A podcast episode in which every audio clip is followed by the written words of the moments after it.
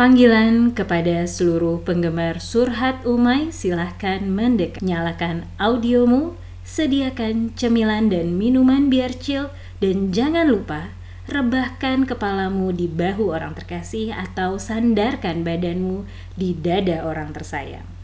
Dan buat kalian teman-teman podcaster se-Indonesia, mari ramaikan 30 hari bersuara dan berlomba bersama saya. Dan untuk semuanya, jangan lupa pantengin Surhat Umay selama 31 hari di bulan Desember.